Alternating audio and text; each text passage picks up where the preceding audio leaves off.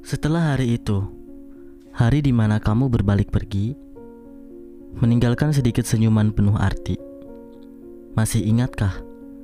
Dulu sekali di tempat ini, kita berkenalan untuk pertama kali. Selang waktu berjalan, kita semakin akrab. Setiap hari bersamaan, lalu cinta datang tanpa sebab. Kamu selalu tersenyum ketika kalimat sayang aku lontarkan. Seolah bagimu itu hanyalah candaan. Hingga akhirnya kabarmu aku tak tahu. Padahal sehari itu aku menunggu. Seminggu itu aku termangu. Hingga sebulan aku terjebak rindu. Apa yang salah pada diriku? Pertanyaan itu selalu menghantuiku.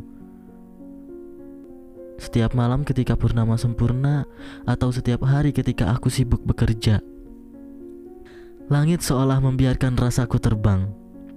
Namun semestamu menjauh hilang. Meninggalkan banyak hal untuk dikenang yang terlalu indah jika aku buang. Sebegitu istimewakah cinta yang diagungkan anak manusia, padahal yang kurasakan terlalu berbeda, bahkan terlalu jauh jika dibilang bahagia. Aku larut dalam diksi yang kamu rangkai Hingga jatuhku terlalu dalam. Rinduku rapih terbingkai Dan harapku masih kupanjatkan. Kenapa tak kamu katakan saja Sejak awal kita berjumpa Jika kamu tak punya rasa Seperti yang aku rasakan saat kita berdua? Bukan malah menjauh tanpa aba-aba Menghilang dengan sengaja Acuh tanpa sedikit pun rasa iba Hingga terlalu asing saat ku sapa Kasih, tolong jangan kembali. Aku tak ingin itu terulang lagi. Perihal aku mencintai, lupakan saja. Aku terlalu percaya diri.